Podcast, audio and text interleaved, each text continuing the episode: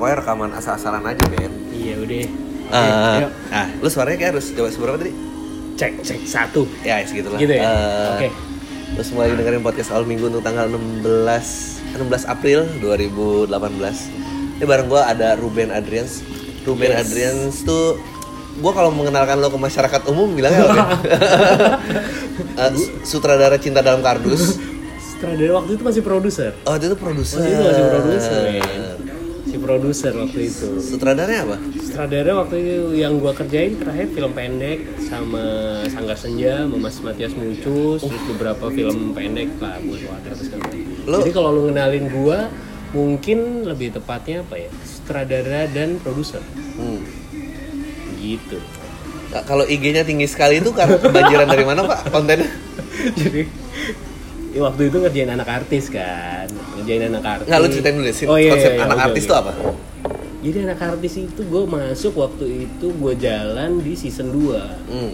Season 1 itu anak artis adalah eh, orang-orang atau anak-anaknya artis yang cuman berkumpul, mereka have fun, dibikin kayak dokumenter dan segala macem gitu lah. Di Oh jadi nggak ada yang acting nggak ada yang apa? Gak ada. Ini kayak dokumenter gitu. dokumenter. Astaga. Season 1 tuh kayak gitu. Bikin lah kayak gitu. Season 2 gue masuk, gue bilang harus ada premis nih, harus Iya, ada betul. story, harus Iya. ada cerita gitu. Ah, Padahal konsepnya bagus banget tuh. Konsep bagus, keren gitu. Di, di, di Indonesia kan ya itu pasti dimakan banget lah gitu. Konten yang disukain lah oleh anak-anak muda sekarang kayak gitu. Nah, gue masuk tuh bawa cerita, bawa premis yang ternyata itu bikin sampai tiga kali lipat men. Ah, viewernya. mantap. Jadi season 1 cuma 5 juta doang, gue masuk 15 juta di situ. Nah, di situlah Oh. bertumbuh lah tuh. Adrians. Anak-anaknya siapa aja sih yang masuk? Ada waktu itu ada Brandon, ada Brandon tuh anak siapa? Brandon Salim, anaknya Ferry Salim. Oh anak Ferry Salim. Valerie, Valerie anaknya, Thomas, iya, Thomas. anaknya Jeremy Thomas, terus siapa lagi ya? Nadine, Hmm. Nadine anaknya Adi Maurun tuh ya, eh, siapa? Eh, Jeffrey ya, Jeffrey sama siapa penyanyi? Nadine Chandrawinata. Bukan Bukan, beda ini. Nadine Oh, iya. Aji Jeffrey Warren tuh terus. Terus ada Sean, Sean tuh anaknya aduh siapa eh, lupa gue. Ada satu perempuan yang lupa lah gue ada Sean terus ada Tapi semuanya anak artis ya? ada L. L itu anaknya Madani iya, iya. kalau ada tau lah. Anak artis, semuanya anak artis, harus anak artis. Enggak, enggak, tapi itu yang kalau gue ini karena kalau komedi, gue Iya. mikirnya itu harus ada satu yang mestinya bukan anak artis, tapi dia pengen jadi artis. dia merasa untuk menaiki tangga fame gue main sama anak artis aja. heeh. Iya. Terus Nah, dia dia menjadi point of view masyarakat view. umum kan di mana kayak Iya. lu hidup nggak bersyukur banget sih gue kerja keras lu biar nyampe di sini lu Nah, waktu itu strategi gue, gue masukin karakter kayak gitu. Cuman waktu itu yang gue masukin karakter youtubers-youtubers ini. Jadi di 12 episode tuh ada 4 atau 5 episode ada youtubers-youtubers yang masuk ke sana. Misalnya waktu itu pakai si Reza siapa ya? Reza Arab waktu itu masuk ke situ. Terus ada siapa lagi? Reza Nangin lah siapa lagi? Pokoknya youtubers youtubers itu ada masuk. Oh ada waktu itu ada Mokito siapa? Yang bikin Yowis Band kemarin Iya, iya, Bayu iya. Skap Bayu gitu, masuk ke sana. Asik asik. Ya tapi gitulah. Di season 2 itu tantangan terbesarnya adalah kalau di season 1 mereka cuma dokumenter biasa season 2 itu mereka harus mulai belajar untuk ya ini kita ada storynya gitu Oke. loh. Jadi harus mulai istilahnya menarik kan dokumenter anak artis yang iya kan? yang ngikutin. Oh, nongkrong nongkrong kita juga nongkrong gitu. Foto-foto kita juga foto gitu. Bu- ada konflik kemudian di season 2 itu. Itu sih yang bikin menurut gua anak artis jadi lebih gede lagi gitu. Masih ada nggak sih? Udah nggak ada. Jadi Ah. jadi ada season season season season 3 mau jalan gua udah cabut gua. Tapi waktu itu rangkanya sih udah gue bikinin sih tulangnya sih di season 3 itu tapi gue udah nggak ikut lagi di sana. Anjing tuh menarik loh menurut gue Bener ya? keren Win IP-nya punya siapa? Punya kapan lagi? Anjing ya kapan lagi ya? Kalau punya gue sih gue kembangin lagi. Iya gue lagi mikir bawa kantor aja kali Bukan, pengen ya, anak artis. Seru seru banget. Dan anak-anak ini kan lagi lagi apa ya lagi jadi sorotan gitu. Maksudnya mereka gimana sih perkembangannya apa segala macam asik asik. Dan udah nggak sekecil itu juga kan mereka. Iya. Udah gede-gede. Udah gede-gede gitu season 2 itu gue bawa juga eh, di, di cerita-ceritanya itu lebih pada kayak eh, mereka gimana sih ketika mau bertumbuh terus ketika mereka misalnya ada love ada romance gitu-gitu. Jadi nggak yang hanya linear biasa nggak mau gue harus ada sesuatu di storynya. Gitulah ceritanya. Tapi eh, ya nggak tahu ya kalau berani lebih dalam. Jadi anak artis tuh nggak segampang itu maksudnya apalagi kalau lu pengen di bidang yang sama ya itu bayang-bayangnya berat banget. Berat berat Brandon Brandon Salim itu sampai sampai dia di takaran adalah bukan takaran maksudnya bercandaannya tuh gue sama bokap gue gantengan gue kan gitu bercandanya udah gitu sampai Oh. gue sama bokap gue gantengan gue kan sampai gitu Ini karena dia harus ngejar ngejar bokapnya gitu.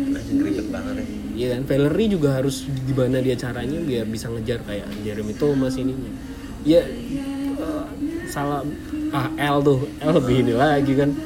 L Ahmadani gitu bapaknya ya harus gimana ya gimana cara mereka harus ngebikin biar profil mereka tuh nggak hanya di Kayak- bawahannya gue nggak kenal tapi kayak misalnya Eva sama Indra Lesmana tuh juga gue rasa pasti oh, apalagi sama-sama musik.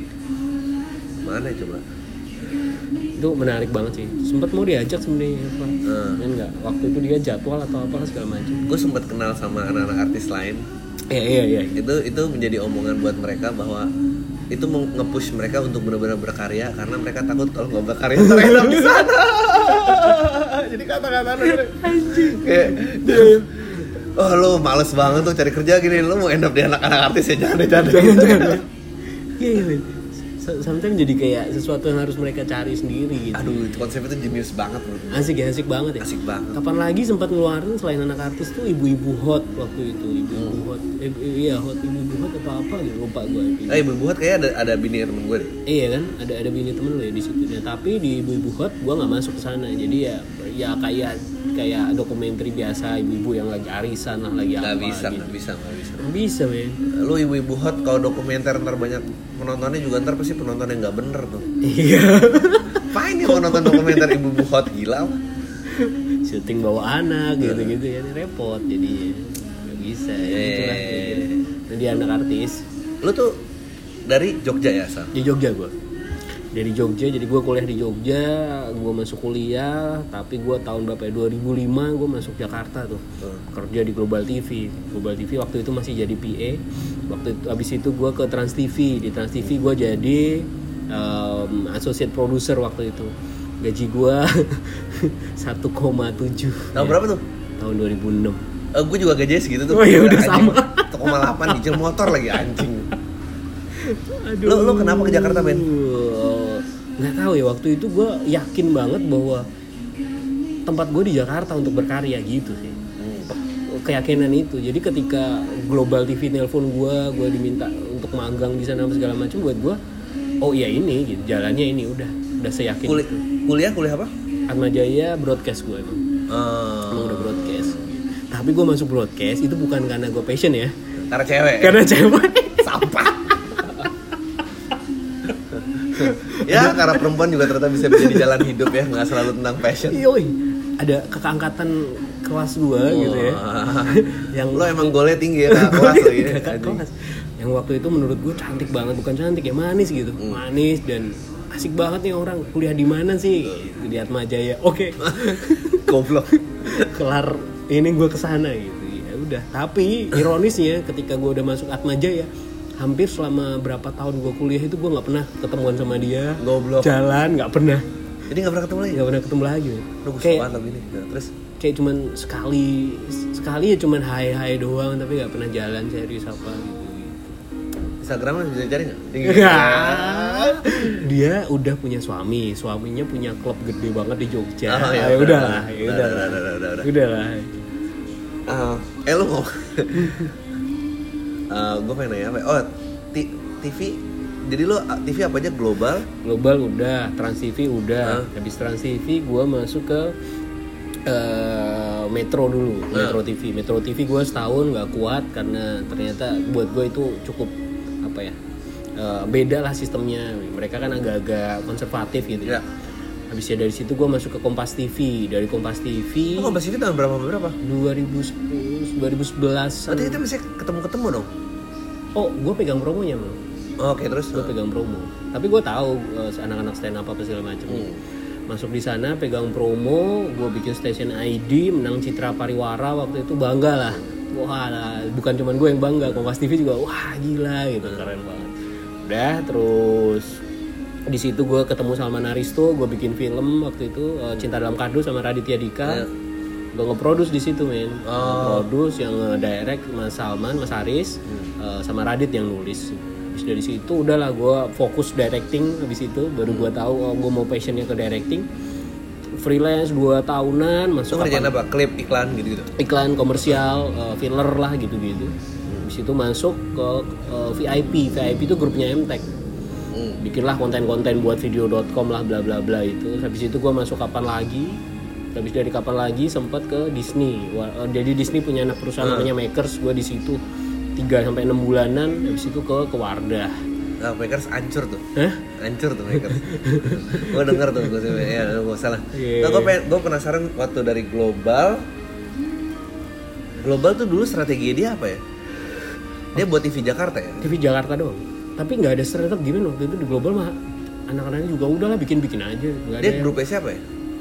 Global TV grupnya siapa MNC lah masih- Tapi dia waktu itu masih MTV.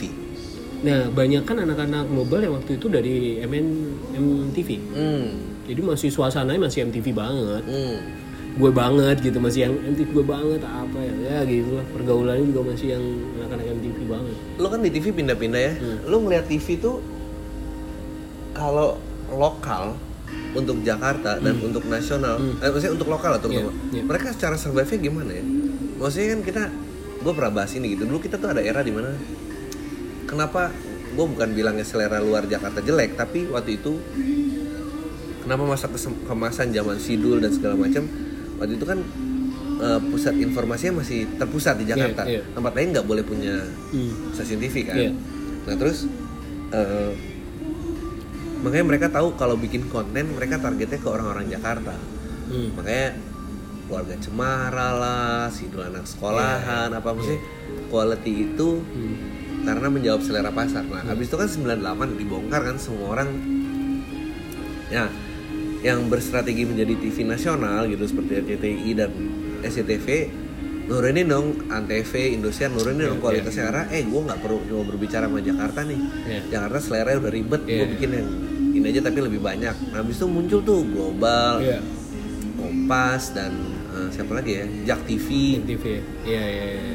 emang maksud gue dalam artian mereka mungkin gak sih bikin good quality product terus break even dengan pemasangan iklannya Uh, ini pertanyaan yang maksud gue apa ya?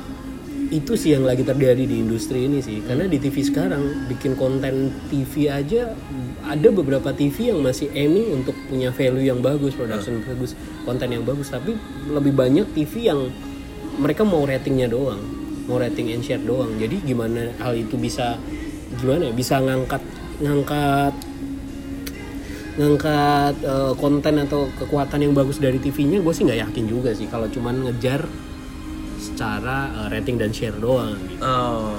Jadi buat gue kalau TV yang harusnya punya punya punya kekuatan atau punya value yang bagus ya harus punya dana yang gede banget pak.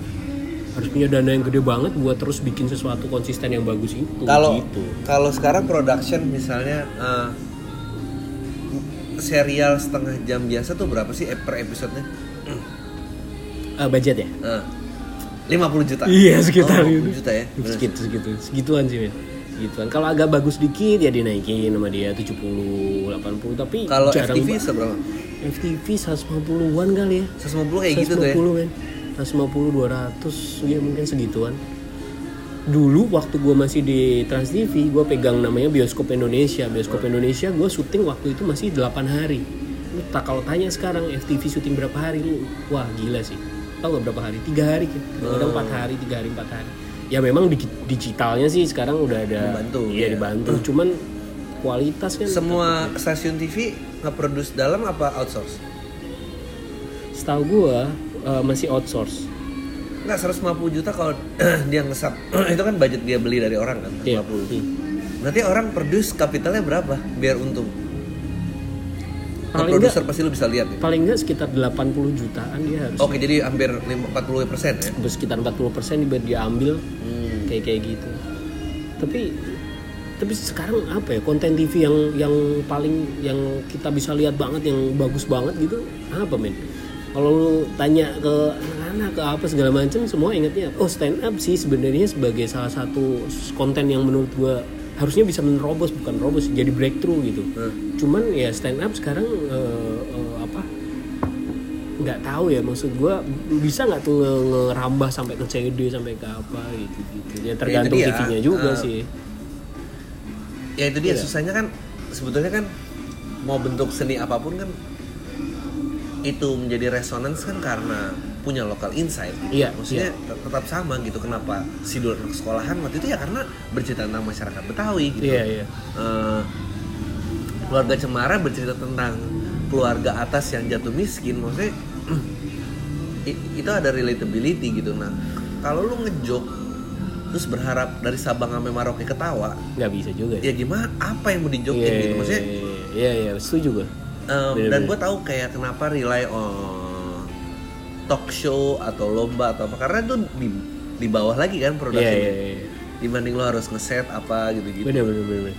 tapi emang susah ya maksud gue bukan susah. Karena industrinya TV menurut gue juga bukan industri industri yang sekarang sebenarnya lagi bergerak bukan bergerak. Maksudnya lagi ada digital nih lagi ada Ya. platform-platform lain. Jadi ini agak-agak goyang nih sebenarnya industri TV salah satu contohnya adalah Kompas TV kan? Gue di Kompas sempat di Kompas. Yang dulunya mau entertain dulunya mau dokumentaris keren mau dibikin kayak Nat Geo-nya Indonesia apa segala macam akhirnya sekarang apa Nggak ada bergerak kan? iya. Nah, bergerak kan? Tiba-tiba ke news semuanya. Dan itu buat gue kayak lompatan yang wow kenapa nggak dari awal aja ya kompas ya bikin itu. Ya tapi kan mereka lagi memang ya prosesnya gitu. Itu sih yang sangat-sangat gue juga gue even nggak tahu loh kayak TV yang spesifik kayak tentang news seperti itu bisa. Jadi waktu sebelum ada digital dan internet kan spesifikasi berdasarkan psikografis kan mungkin dilakukan waktu itu. Global kan juga TV sport kan? Mhm. Iya. Jadi dia maunya Bener, sport bener, aja bener, gitu bener, kan. bener, bener. Eh, Iya, iya. eh, apa news news aja. Gue sampai sekarang tuh penasaran dengan modelnya Metro.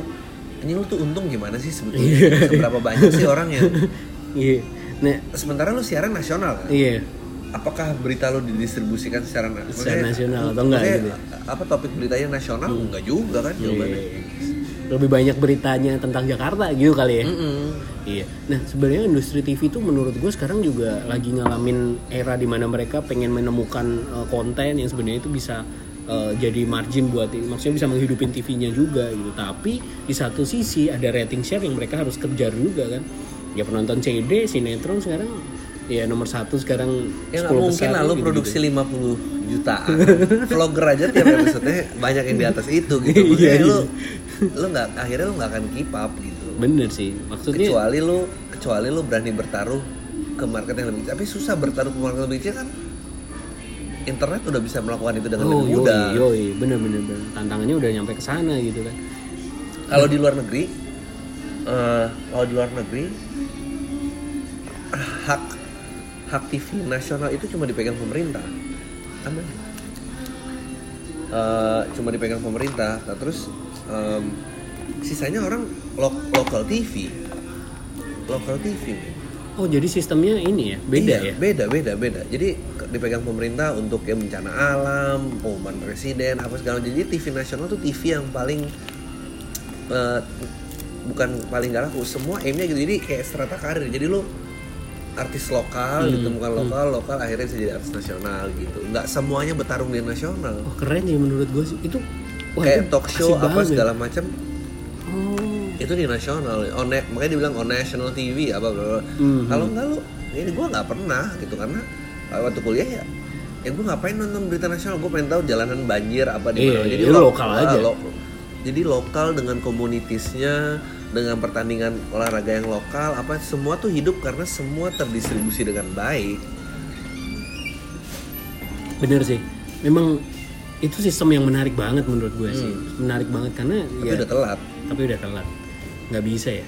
Karena eh, b- apa ya banyaknya TV nasional sekarang ya nggak udah nggak bisa dibendung lagi. sebenarnya kalau mau diusut sampai kayak uh, legal nggak legal pemilikan frekuensi nasional itu ilegal sebetulnya Iya. itu punya pemerintah itu dan itu Iya. nggak pernah dibalikin dan Iya. itu udah berkali-kali gitu Hmm. Um, paling nggak kalau dia nggak per provinsi dia per uh, wilayah gitu east coast west coast apa tengah apa gitu gitu Oh, loh iya. Itu keren sih men. Menurut gue itu yang bisa bikin bangkitin potensi-potensi dari Iya. daerah juga sih. nggak ya kalau sekarang mah semua center saja gitu Iya, lu, lu mau bikin apa sekarang? Gua nggak. Gua tadi lu ngomongin acara TV bagus apa lagi ya? Gua nggak udah nggak tahu. iya udah. Orang udah sekarang ya mendingan lihat YouTube gitu mau idols lah apa segala macem. Bahkan lihatnya di mana? Di YouTube gitu. Bahkan sekarang ratingnya di gua, gua denger denger nih terakhir di, di idols itu ratingnya udah nggak kayak tahun-tahun kemarin gitu. Tapi viewer viewer di YouTube-nya malah dia yang naik juga gitu. Itu Maksud makanya gua- itu jenisnya dengan Indosiar menurut gua. iya Dia Indonesia sih. dia nggak mau Gila bayar IP mahal, tapi iya dia bikin IP sendiri dan itu works. iya Dulu The Voice tuh di Indosiar lo nggak works. iya Dia oh iya ganti. dulu ya di Iya. sana ya iya iya iya iya. Dia ganti, KDI habis men. udah udah gitu nah nah gue beruntungnya di perjalanan karir gue gue menemukan ada beberapa orang yang berpengaruh di industri TV misalnya kalau di Indosiar bos gue dulu si Indra Yudhistira Mas Indra Iya. Yudhistira dia orang yang cukup berpengaruh nih di TV pergerakannya konten apa segala macam. Gue dulu di Kompas gue ketemu Mas Wisnu Tama. Nah itu juga leader yang menurut gue uh, a good leader lah gitu. Jadi gue cukup bisa belajar nih sebenarnya dengan dua orang walaupun dua kepemimpinan yang cukup beda sebenarnya. Beda. tapi oh gitu. Nah mereka orang-orang yang mereka kan dulu satu batch tuh gitu. Ya. jadi di mana? Di trans ya di trans satu batch ada Mas Indra ada uh, Mas Wisnu Tama ada uh, Monty Tiwa lah uh, ya inilah Mas Titan kalau nggak salah dulu di trans atau apa gitu. mereka mereka punya punya punya apa ya punya punya insting yang tepat gitu buat konten-konten TV itu sih yang bikin bagus sih. Cuman ya menurut gua sekarang juga nggak tahu ya kalau eh, kita bikin konten yang bagus doang sih menurut gue juga belum tentu dimakan juga gitu. Harus harus strateginya harus gitu tuh harus kontennya bagus tapi mau ngeplatforminya di mana gitu Gua tahu apa konten apa yang bagus Apa, ya? baru dan sempat meledak tapi nggak ditulisin Apa? Malam Minggu Miko. wah Radit ya Oh iya, malam minggu itu tuh tepat pada saat itu Kompas masih cuma beberapa kota doang dia lagi bermasalah paling nggak dia megang kota besar dia jadi tahu berbicara kepada siapa production model yang pas terus era sosmed yang pas, Pas. waktu itu itu tapi habis itu orang-orangnya lebih besar daripada mediumnya, Mediumnya, ya. cabut udah lah ya. ngapain? Gue mau dihargain berapa gue inget sih? banget jadi waktu itu gue masih di Kompas lagi mau bikin tuh si, si Iya. eh, cinta dalam kardus sama Radit gitu segala macem. Radit nunjukin tuh episode 1 Iya. ke gua ke Mas Aris apa segala macem. Masih wah gitu kan masih agak rough gambarnya masih gimana masih apa. Tapi konsepnya ini gila keren dit gue bilang. Ini wah ini keren banget dit gue bilang harus jalan harus jalan gitu Iya, iya. saran gua sama Mas Aris waktu itu satu lo ganti DOP-nya kameranya shaking mulu bro blur shaking Eh. blur shaking jangan jangan ganti DOP-nya nanti begitu udah di episode 2 suka lebih bagus lah gitu. dan gue lebih suka malam minggu minggu waktu, ada si siapa Rian. Eh, Rian iya iya iya wah Iya. gue suka banget ya Iya. sampai gue sama Mas Aris sempet ketemuan sama Rian apa segala macam ngobrol kan terus sekarang dia lagi di Amerika nih si Iya, anak ini iya. gue bilang juga iya gue bilang sama Rian nanti kalau gue bikin film ya lu harus Oh iya. ikutan Dia orang yang Lu paling harus dia cukup berbakat. ayo ayo dia bilang lu lagi animasi kan tuh anak lagi gila juga gitu tapi malam minggu minggu gue setuju dia salah satu konten yang yang bisa apa ya yang pas lah gitu ya Pas, Pas, pas, banget. mediumnya pas terus eh, saat Size TV-nya juga pas. Kalau dia ditaruh di SCTV nggak works. Works. Dia Iya, taruh di iya, Indonesia nggak works.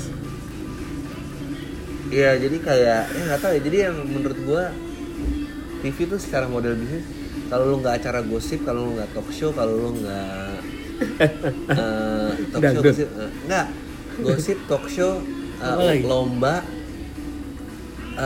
Musik. susah main bikin Iya. IP baru dan diminati serialnya terus dan udah nggak ada behavior itu behavior di mana eh Jumat jam setengah delapan gue mau nonton ini udah nggak ada gue nggak tahu deh nah abis itu kan lu bilang tadi rating rating rating sebetulnya hubungannya ke Nielsen masih bilang gitu ya ada orang yang menanti acara ini dan ini, ini gitu ya. masih masih. Kacau ya. Nielsen. buat gue orang yang pernah kerja di TV gue selalu mempertanyakan cara risetnya Nielsen. Iya iya gue juga. Gue selalu mempertanyakan apa kenapa dia bisa dapet data-data kayak gini. Itu tuh eh, qualified nggak sih maksud gue Iya. ataukah itu cuman datanya dia sendiri? Atau gue selalu mempertanyakan itu. Dan buat gue apa ya Eh, ya walaupun di Hollywood pakai ya maksudnya di di luar Iya. semua pakai Nielsen gitu tapi Iya. gue belum tahu di Indonesia nih gimana sih petanya Iya. si Nielsen ini Tuh. gue mempertanyakan itu men dari dulu sampai sekarang juga gue masih yang susah yang lingkar yang bikin jadi lingkaran setan nggak keputus adalah ya karena gue dari sisi iklan iklan pun pengen placement di acara-acara yang ratingnya tinggi Tinggi. dan jadi semakin iklan menggunakan kuncinya di iklan sebenarnya kalau iklan percaya dengan AC Nielsen mau nggak mau acara TV harus percaya dengan AC Nielsen karena ya gue Iya, mau iya, gue bikin acara iya. ada yang pasang iklan dong karena itu pemasukan gue kan Iya. iya.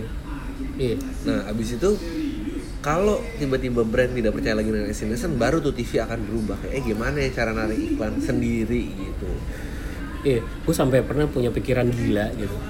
Jangan-jangan Nielsen ini adalah konspirasi besar. Emang, Iya emang, kan? emang. Yang di ini sama politik, sama orang-orang yang Ah. punya kepentingan apa segala macam, terus udah tuh di kayak kita didekte bukan didekte maksudnya kayak di ini dipetain gini gini gini. Lu sebetulnya setengah bener. Cik, Wah. karena karena uh, Tapi sampai- iya enggak karena karena setengah dari TV nasional semuanya berbendera politik. Ah Iya benar kan? juga. Iya. Ah benar juga loh jadi uh, mereka selalu membutuhkan ini hanya nah pada saat nanti mereka membutuhkan vehicle ini untuk uh, tujuan politiknya mereka bener ya Iya dong. tapi siapa yang nggak nggak ada kepentingan tapi politik? perbedaan sebetulnya sebetulnya nggak masalah di Amerika juga melakukan itu Fox dan CNN adalah dua dua apa polit dua kubu yang beda hmm, hmm. tapi a- a- istilahnya ada deklarasinya lah quote unquote Iya, iya, iya. ya kita juga udah cukup declare sih tapi ya ya gitu lah maksudnya lu tahu kalau Iya, lu ke iya. TV One apa lu tahu ke Metro tuh lu Iya, apa iya. gitu Oke. Ya gue di Metro aja belum setahun langsung dapat kartu anggota men. kartu anggota partai. yang bener loh Iya. goblok Langsung ya muncul. ribetnya di situ Iya. Iya lo kalau ngelihat eh, sekarang tuh siapa sih yang merajai TV nasional Trans secara apa? Secara secara size tuh Indosiar ya? size Indonesia. kualitas Net sih sebenarnya menurut gue. Net bukan TV nasional net tuh Iya. nasional net kan TV lokal TV lokal Jakarta sebenarnya yang pengen internas bukan internasional maksudnya pengen eh, lokal sih. iya. karena dia rugi production cost dia Eh, tinggi lah, production cost dia tinggi market yang serve rendah banget Rendah dia banget, rugi bener. banget pasti Iya iya iya. Ya Indosiar sih masih antara Indosiar sama SCTV sebenarnya ya. Oh, jadi. SCTI itu udah nggak ada SCTV ini bergantung banget sama sinetron. Eh. Itu kalau dalam seminggu nih sinetronnya diambil nih RCTI ini udah habis dia men kelar. oh Dia dia tuh hidupnya karena ada tulang-tulangnya tuh ada sinetron gitu. menarik menarik Nah, menarik, nah menarik. yang yang lebih gila lagi adalah eh, kemarin ketika Cinema Art dari RCTI, Hah? PH Sinetron nih Cinema Art tiba-tiba bergerak masuk ke mana? SCTV. Wah, itu tuh semua kalang kabut tuh. eh tuh hold dulu gue pengen pengen ke Iya. toilet dulu Oke. eh lagi lanjut Oke, oke. Ini yang birnya belum habis nih. Eh Ya kalau ya siaran pokoknya suka-suka aja lah Ben. Iya, oke. Eh, ini 8 ribu loh Ben yang denger Ben. Lu jangan ngomong macam-macam Apa apaan nih? Apa ya? Pendengarnya 8 ribu orang. 8000 orang ya? Setiap Waduh, episode bisa menyebut sampai 14 ribuan dan segala macam. Oke, oke, oke. Mungkin masih kalah dengan konten Oke. review Oke. film loh. Cik. eh, Ruben punya konten loh di YouTube. Namanya apa? Iya. Ruben Adrian sih. Ruben Adrian channel gue silahkan mampir Instagram juga boleh Ruben Cap Adrian capeknya jadi bapak-bapak yang berusaha kurang tuh berat ya. kampret gue mesti udah gak ngikutin ini nih capek banget tapi gue Eh, iya iya iya, gimana, gimana, apa? gue bikin konten tuh juga karena gue lagi ini aja lagi pengen bikin konten atau bikin sesuatu buat nge-review film review fashion lah apa segala macam gitu gitu lo kalau nge-review film kita emang gak dimarahin apa sama orang-orang yang bersangkutan eh enggak sih Berusaha sebenarnya jangan sih. gue ya? gue berusaha netral gitu. Tapi ya tetap aja sih ada ujung-ujungnya. nggak bisa netral, iya kan? review nggak bisa netral. gue tuh gak pernah aduh ini nggak nggak ada yang review film nih kita podcastnya nih. Aduh aduh jangan ya pak. Jangan. nanti aja dulu ya. Gue cuma be- berani bela satu bendera aja. Oh iya. Yang lain kayak ya bagus bagus. Bagus bagus, bagus, bagus.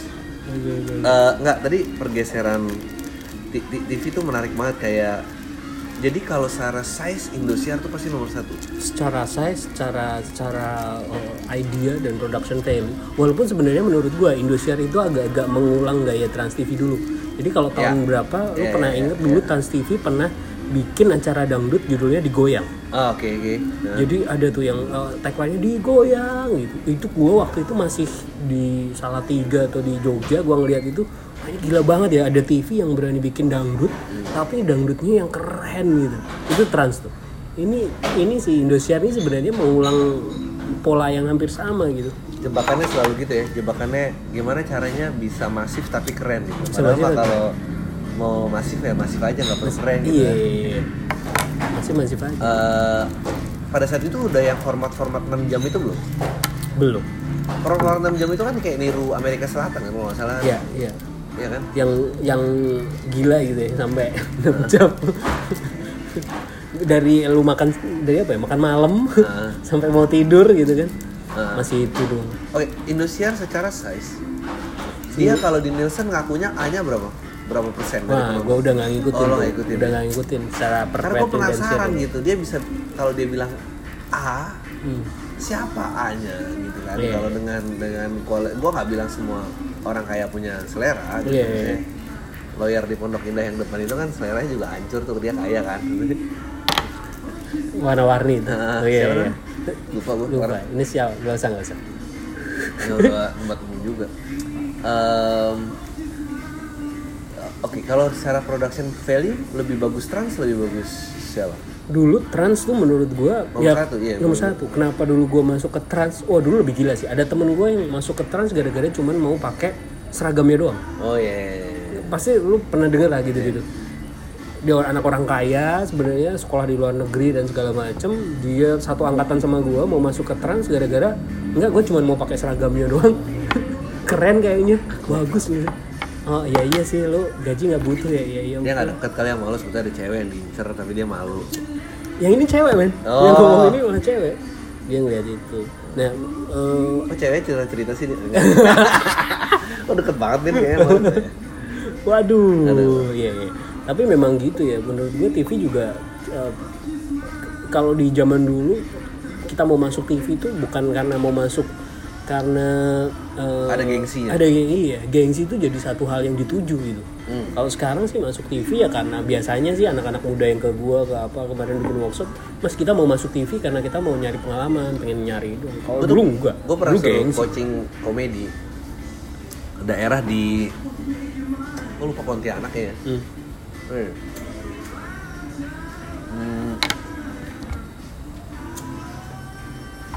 Pontianak apa Pontianak ya sih gue lupa lah. Nah itu TV daerah gitu TV Oke. lokal dan benar itu oh, bisa ada TV apa Eh, ini pemberian yang menang jadi wali kota di sini Oh. gitu, dan em, kayaknya TV TV lokal tuh cuma survive di Jakarta, Surabaya, Bali, mungkin Sumatera Barat, Hmm. Eh, eh, mungkin juga kalau Makassar tuh provinsi apa? Makassar ya. Makassar. Makassar, sisanya nggak ada men. Di luar daerah itu anjing. Nah, banget gue ingat banget ngobrol kayak eh gue nanya placement 30 detik lo di prime time berapa? Dia bilang ya 50 ribu lah sampai 100 ribu. Hah? Mau sampai 100 ribu lo kalau acara setengah jam kan iklannya 6 menit Eh. 30 lo nama satu lo cuma dapat 1,2 juta Iya, kan dua gitu juta. lo production Gimana? kayak apa yang 1,2 terus bisa untung gitu kan kan ya makanya masih waktu itu kalau nggak salah dia networknya kompas dia masih di sub di sub program dari sini yang bener tuh memang gitu pak kalau lo mau hidup ekosistemnya Hmm. lo lokal jadi kayak toko cat toko apa bisa beriklan Itu itu bisa menghidupin industri banget Iya sih, gue itu percaya mau- sih. Ta- Tapi memang apa ya?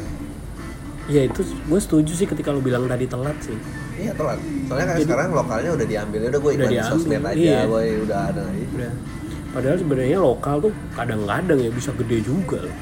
Bisa bisa jadi raksasa juga gitu. bisa lah kenapa enggak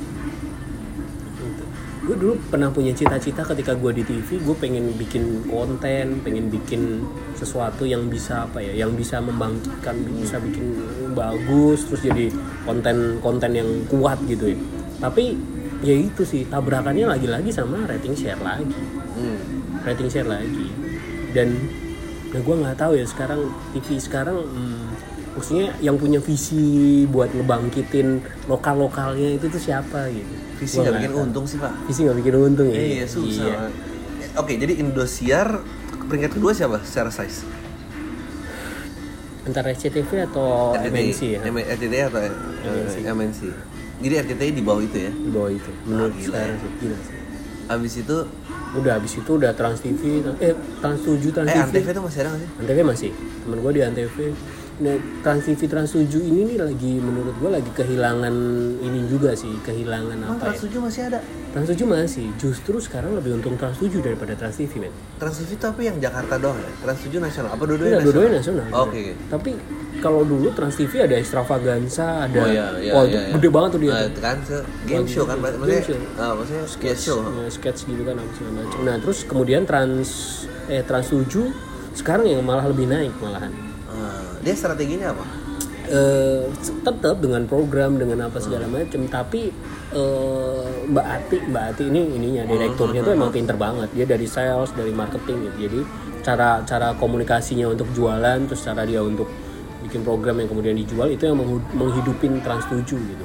Kalau dulu gue di Trans TV, Trans 7 itu cuman istilahnya marginnya Trans TV buat ngehidupin Trans 7 gitu. Nah sekarang nggak kebalik sih atau 50-50 gue nggak tahu. Oh, ayo mereka satu grup ya? Nah, itu satu grup. Satu grup. Ya, jadi yang under MNC itu siapa aja? Men's itu RCTI, Global, sama eh, satu lagi siapa ya? Global Surf Jakarta doang. NCTI Nasional MNC tapi punya judul eh, judul sendiri. MNC itu punya MNC ini grup gede nih pak. Grupnya Tapi dia punya stasiun TV sendiri nggak MNC? RCTI itu salah satu. Ya, ya. Oh, MNC Channel Ah. gitu, gitu ya. Tapi buat Itu OTT ono doang? kabel satelit Oh, gitu. oke ya makanya gue bilang aneh banget kalau MNC nasional ada RCTI nasional. Hmm. Nah, Oh. peta peta pertelevisian buat gua eh, ketika gua udah mengalami beberapa gua Beban. pernah di TV gua pernah di digital menurut gua jadi sekarang nggak terlalu menarik sih karena eh, apa ya dorongannya untuk bikin sesuatu yang bagus lu susah Oh, iya, ngetrolnya iya, men iya. susah Susah. susah banget tapi kalau iya kalau yang anak-anak baru yang dia mau fresh graduate gitu kemarin juga pada nanya mas kita mau masuk ke Trans TV nih gimana ya? Oh. gue gue selalu bertanya dia lu mau ngapain di sana? Gitu. Lu rela nggak jam kerja lu? Apa segala macam. Lu bayangin ya gue di Trans TV 2006 sampai 2010 itu gue hampir 4 tahun gue tiga tahun nggak pernah pulang kampung ya. Bener Saking kan? padat ya? saking padatnya. Jadi ketika gue pulang kampung nyokap gue nangis. Nyokap gue nangis pulang juga nih anak gitu.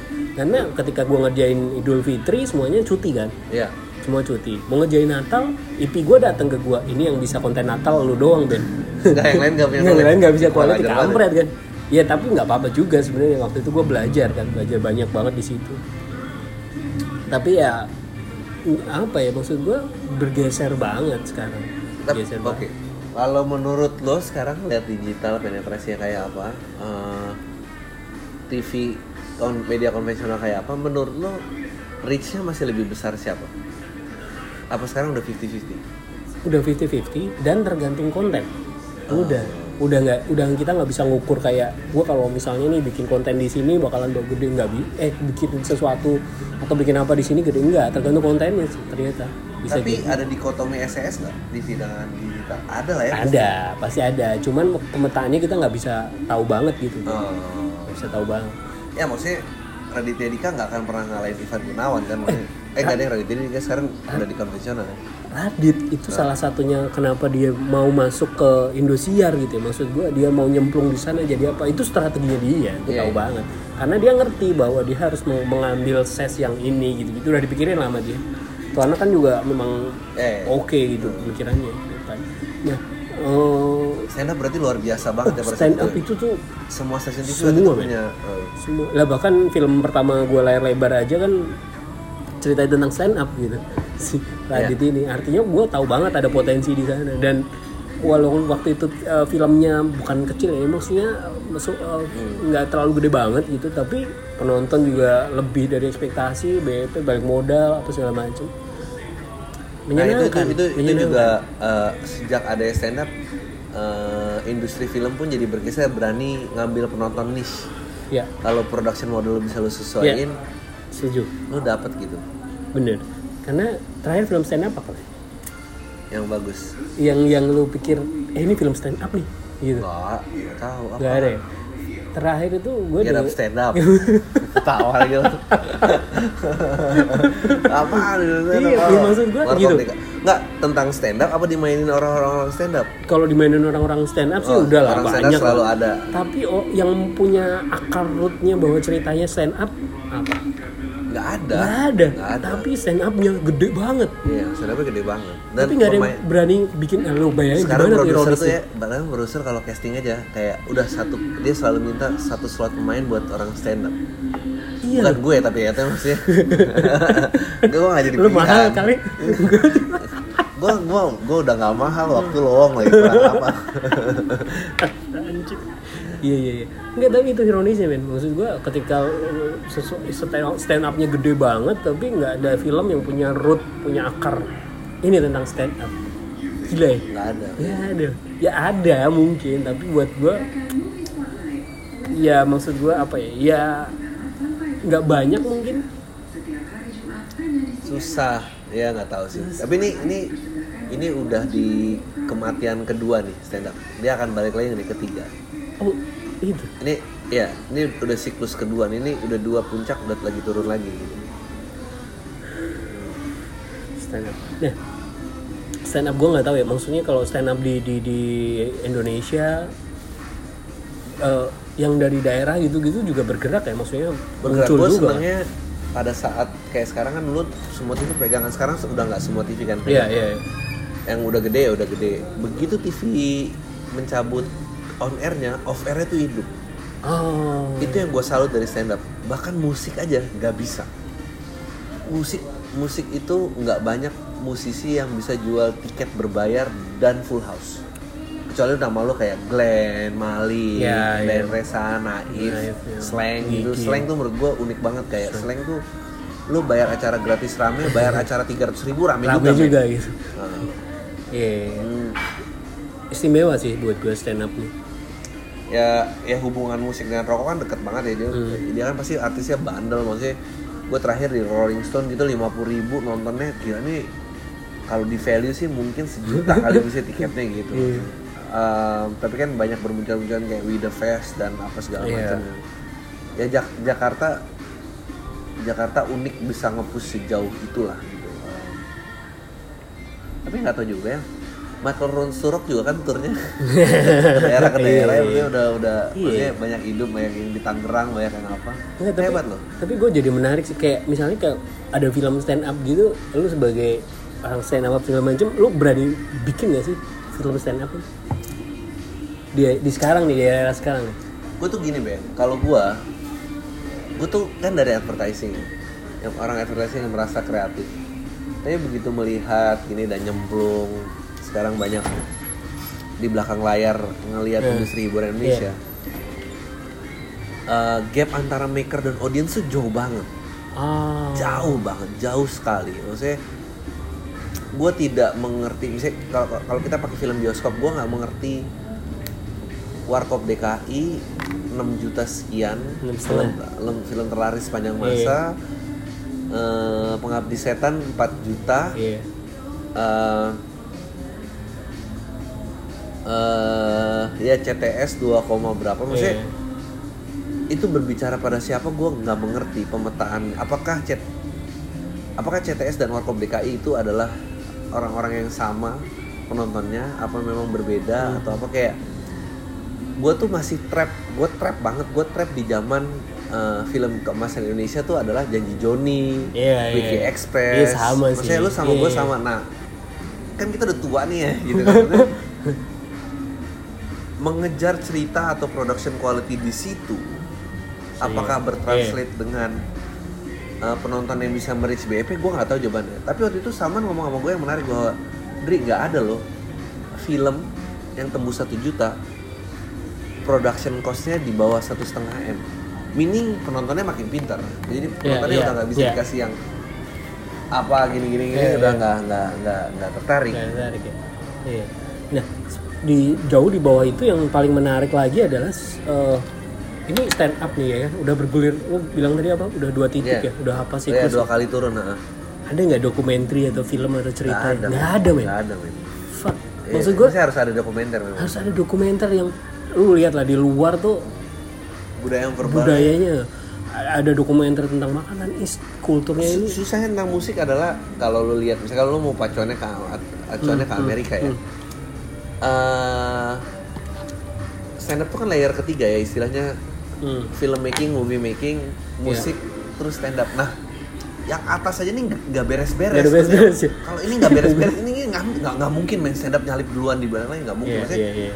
em, dan semua tuh bersuara sendiri-sendiri gitu. Gue kenal orang-orang eh, Irama Nusantara. Gue kenal orang-orang juga yang penggiat eh, Save Lokananta. Oke. Dua orang itu, dua itu mestinya tuh bergabung ya. Ah, Satu tentang spesifik studio di Lokananta, satu tentang digitalisasi database semua musik Indonesia, bro. Tapi satu Keren. penggeraknya Iya, iya, iya. influence di sosial media jauh lebih besar. Ya, maksudnya, eh, ini ada beban yang lebih gede kali. Iya. Katalog musik Bener, Indonesia nggak lengkap, Bener, ini nggak ada yang peduli. Iya. Sa- Itu Wah. problem, itu problem yang sama dengan digitalisasi eh, di Usmar Ismail. Iya. Ah, ah, waktu itu kan gue nonton tuh dua film. Yang di digitalisasi Scorsese itu dia punya Scorsese punya perusahaan dia ngambil semua film yang klasik salah satu diambil Indonesia dua film eh dua film lewat jam malam dan apa gitu satu dan lo kalau kayak nonton lewat jam malam gitu kayak Wah, lewat jam malam sih. iya kayak anjing lu udah ngomongin tentang orang yang PTSD gitu tentara yang tentara yang nggak cope dengan masa damai gue masih pengen berjuang. Eh, em, jadi kita pernah nyampe masa di mana audience tuh advance banget nah, sisanya iya. mundur ya ya ini kan resiko dari dulu centralized dan segala macam semuanya nggak ini jadi kalau lu tanya ke gue eh mau bikin stand up ah, ini oh ya bisa aja cuma permasalahannya mau ngomong siapa itu yang gue tanda Iya, tanya iya, iya. dan mungkin gue juga terlalu deket untuk bisa mengatakan ya kalau kayak gitu sih ceritanya nggak asik lah ngerti Nah, iya. ntar kan asik sama penonton kan Bener, bener. nggak ini gitu Bener, bener, bener. cuma ya even musisinya juga cuma paling berapa nama sih gitu uh, Slang, Sela on Seven, Naif, Iya. Glenn, Iya, iya, iya. uh, yang yang berdiri di dua kaki gitu dan generasi baru yang berdiri di dua kaki lagi siapa nggak ada Kunto Aji nggak tulus nggak Iya, iya. tulus mungkin bener. Ra- Ra- Raisa eh Raisa nggak sebesar Re- Raisa udah lebih besar daripada Reza kok lo? Em, ya, ya hampir sama lah ya, hampir sama. Iya, kan? tapi dikit kan maksudnya dikit banget Iya, iya. movie makers lebih stagnan lagi Hmm. lebih stagnan lagi Wah, belum ini industri perfilman nih. iya Wah. film lebih ribet lagi apalagi komedi komedi, Komedi. anak baru lah gitu Iya. Komedi-komedi dan segala macam. Nielsen ya gua Nielsen nih, Mel. Nielsen. Gue sempat membayangkan, eh, ada nggak sih maksudnya? Ya ini Nielsen udah bikin gitu. Ada nggak sih lembaga riset Punya yang, ada, yang tapi bisa di, tapi nggak dipakai ya? Ya kan? Maksud gue kenapa nggak dipakai? Ada ya gue susah men trustnya susah sekarang gini lu mau menjadi badan riset yang reliable lu harus bisa pegang klien-klien lu juga lu pakai gua Bener, sekarang bener. dagangan gua apa kalau gua memberikan ini terus nggak ada nggak ada brand yang gue percaya nilai gua nggak ada brand yang mau oh gue jadi tahu gua harus pricing gimana gitu Um, betul. Dan Ya. kalau TV itu ada laporannya nggak sih untung ruginya Oh ada, tapi kan itu buat direksi, buat apa Eh, segala macam. internal kan Internal, internal. apakah TV-nya works terus Terus bisa aja. Ah, atau cuma dialirin dana dari partai kan lu juga nggak tahu Iya. sebetulnya TV-nya tuh TV-nya tuh punya audiens sama enggak sih kan lu nggak tahu Nah, kalau pengalaman gue nih ngomongin apa riset apa segala macam, pengalaman gue ketika gue bergerak ada di beberapa TV nasional apa ini, yang gue lihat adalah ketika mereka mau bikin sesuatu, mereka mereka mau bikin konten adalah mereka cuman eh, ngobrol, idea, brainstorm apa segala macam, terus kemudian oke nih bagus nih, menurut satu orang atau menurut berapa orang ini bagus bagus, tapi gue belum pernah bikin suatu program yang itu didasarkan sama riset. oh. Ngerti nggak? Jadi kayak harusnya nih misalnya nih, gua mau bikin FTV lah atau apa segala macam. Buat har- har- har- harusnya dibikin satu riset dulu untuk cerita gue ini iya nggak sih? Iya, iya, iya. Reli- reliable nggak sih? Ini buat daerah mana ya? Apa segala macam. Itu yang harusnya yang kalau di luar negeri sih beberapa produsernya menggunakan apa gaya riset dan depan gitu. Hmm. kalau Nielsen ya kita cuma terima laporannya doang kan. Tapi kan ketika kita mau bikin batu misalnya batunya Iya. kayak apa gitu. Oke gue nanti gue penasaran. Ini menarik. Menurut lo eh, rate keberhasilan sebuah judul baru di TV itu berapa banding berapa? Wah. Berat nih. Satu banding 10 ada nggak? Bertahan tuh bisa bertahan di atas 3 tahun ya eh kita tahu nih. Satu banding lima. Oh, cukup tinggi dong ya berarti. lumayan. Tapi ini di luar di luar talk show, di luar Iya. lomba dan ini ada ya serial TV yang ada sebenarnya. Semua ragu gini. semua ragu gitu ada kayaknya tapi ya begitu udah kena yang gue alamin waktu gue bikin gue bikin Angels Diary dulu. Eh, Angels Diary ini satu-satunya serial yang dulu pakai DSLR, pakai kamera Canon lah 5D, ditentang banyak orang, gua audio syuting harus terpisah, teknis lah harus gitu-gitu. Tapi waktu itu eh, kita cukup percaya gitu bahwa ini nih sebenarnya bisa jalan dan bagus gitu. Jalan nggak? Jalan. Bagus nggak? Bagus men. Tapi diperintahkan untuk stripping, udah kelar. eh, stripping itu sebetulnya apa sih kita selalu dengar Nah, stripping itu stripping tuh stripping tuh gini, penayangan program yang harus setiap hari ditayangkan udahlah sesimpel itulah. Oh. Pokoknya lu bikin, pokoknya setiap hari ini harus tayang. Kalau di yang lu- mematikan ekstravaganza juga itu kan? sebenarnya itu, Iya. itu dia. Begitu udah di stripping itu mati. Iya. Gitu. Walaupun itu programnya bagus banget gitu. Kenapa kayak misalnya friend lah kita ngomong lah misalnya friend, friend itu kenapa eh, bagus banget walaupun dia stripping apa segala macam dia prepare-nya men itu tuh Iya, iya. setahun dua tahun sebelumnya jadi programnya udah jadi dulu berapa puluh episode baru naik ke TV kalau kita enggak Nah. yang jadi kejar tayang kan ya udah bisa lu denger itu ngancurin banget Ini kalau pacaran tuh minta ketemu tiap hari terus Iya, basi gitu iya. ya. Tai. ah, bosen bosen bosen kan gitu Tapi kenapa gitu ya strateginya? Maksudnya ini ngomongnya kalau kita dari, dari nyebut luar negeri ya maksudnya Amerika lah. Maksudnya Amerika tuh memang budayanya tuh TV, ngerti nggak? Lu, Iya. lu ada Saturday Night Live yang 30 tahun, lu ada Jim Falcon uh, ada apa apa ya late night show yang Ellen. ini maksudnya ya berpuluh-puluh tahun kita tuh nggak ada loh. NCIS, Semuanya mati. apa segala macam. ya nah itu mereka udah mempersiapkan jadi gini Ada tuh Ria Jenaka sekarang Ria Jenaka milenial. iya gue lihat tapi ya gitu ya Iya, parah. bos gue ada di situ kan Yang bener loh. ada Tau gue tuh kayak itu ketahuan banget bapak-bapak yang bikin acara tuh nggak? Masa mau nargetin milenial bilangnya milenial nggak ada kali anak milenial yang mau dipanggil milenial mana ada. Kesel dia So, pasti. kan. Nah, kalau di luar nih misalnya nih, mereka mau bikin eh, NCAS apa segala macam, mereka udah netepin atau udah bikin skema untuk eh, season berapa season Nah. udah dipikirin. Kalau kita kan nggak men, kita bikin satu season misalnya nih ya 13 episode, tapi udah segitu doang. Begitu nanti tiba-tiba mau bikin season 2 bingung kan, mau ngapain ya? Oh, eh planning apa karakter karakter apa? Eh, mau ngapain ya kan kita udah kelarnya sampai situ doang kita Iya. mau season 2 nya mau ngapain begitu season 2 dipegang orang beda apa segala macam kacau lagi storynya apa Nah sekarang kalau stripping hmm. itu cer- cerita berapa? Dia stripping tuh satu Angels- seasonnya berapa? Angels Diary Hah? itu gue pegang waktu gue jalan eh, gue masih syuting buat episode gue gagal lupa. Episode 10 atau apa tapi itu udah naik. Jadi kalau kebayang nggak? Ketika udah di satu minggu tuh udah habis tuh stok episode gue Anjing terus? Harus ngejar ya ya waktu itu gue pakai strategi nah itu nah itulah bisa. Cuman nggak jadi maksimal karena Oke, dikejar nah, kalau kan tadinya biasanya mingguan 13 episode, episode satu season. weekly gitu Weekly misalnya. misalnya ya. Terus jadi stripping jadi stripping ya durasinya berapa? 6 bulan juga. 6 Tiga- bulan tiap hari. nah waktu itu gue hampir ya hampir enam bulan gue Dia Tiap biasanya hari. dia di- biasanya ada decision apa sih dia nerima berita apa kayak oke ini Nah. layak untuk jadi stripping gitu. nah itu yang gue cerita tadi harusnya dia pakai riset harusnya di resetting dulu Oh. nggak bisa lu pakai decision stripping cuman gara-gara Laku. laku Ya nggak bisa. nggak bisa Ya tapi kan Nah, susah. ya, Ya, tapi susah kan dari sisi bisnis kan pasti ya. kayak Kayak ini lagi lagi laku nih untung, orang lagi untung. untung kejar aja. buat buat di trans itu kalau udah dapet stripping misalnya waktu Ah. zaman gue dulu ketika udah dapet stripping itu hal yang membanggakan sekaligus mengharukan Iyalah. iya bangga tapi juga haru lu jadi nggak bisa Iya nggak bisa mau ngapain. terus extravaganza stripping apalagi ya tukul deh dulu tukul apa yang Iya. bukan mata-mata di strippingin juga habis juga pak ini Tapi talk show aja mau di strippingin. Itu talk show strippingin semua trans di Iya iya strippingin KD itu juga kan stripping. Ini strippingin. Anjing lah. gila men stripping men gue sampai pernah punya eh, oh, Orang apa? TV tuh nggak ngerti nggak lama ketemu kangen ya. Maksudnya, mereka ketemunya maunya ini men terus intens iya ya. duit gitu kalinya Kayak selingkuh soalnya. Kalau selingkuh nggak bisa nih hari ini bisa. iya spontan ya dong. nah eh, apa namanya kalau gue dulu ng- ngelihat eh, gue nggak tahu ya sekarang dangdut apa segala macam kayaknya sih nggak stripping juga kan maksudnya mereka nggak, weekly nggak. kan Weekly, weekly. Eh, eh, enggak dong.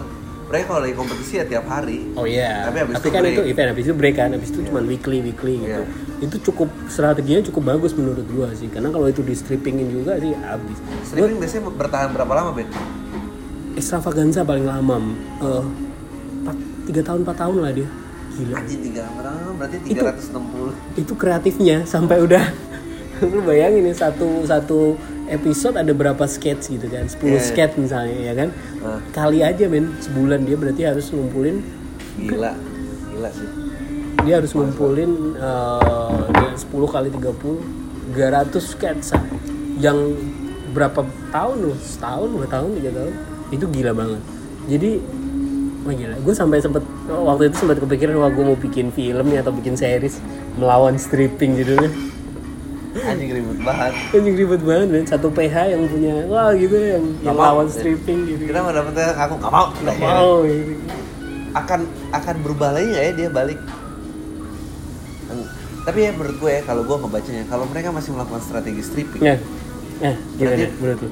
berarti penetrasi media konvensional masih jauh lebih besar daripada digital oh ya, ya. karena mereka masih bisa mengeruk ada orang memasang iklan di situ once nggak ada yang memasang iklan itu mereka akan pikir-pikir kayak oke oke Iya. itu jangan streaming kali ya gitu Iya, ya bener sih. Satu sisi itu, satu sisinya juga ya jadi masuk ke value produk sama apa segala macamnya. Eh, kejar tayang, ah udahlah tuh kayak kayak gitu tuh. Itu banget nih. oke udah ya. cukup ya Oke. Kasih. thank you Ben ya Thank you. bicara tentang Bro. industri TV Wah. Gila nih 5, menit kan Udah itu dari kita Tayo semua deh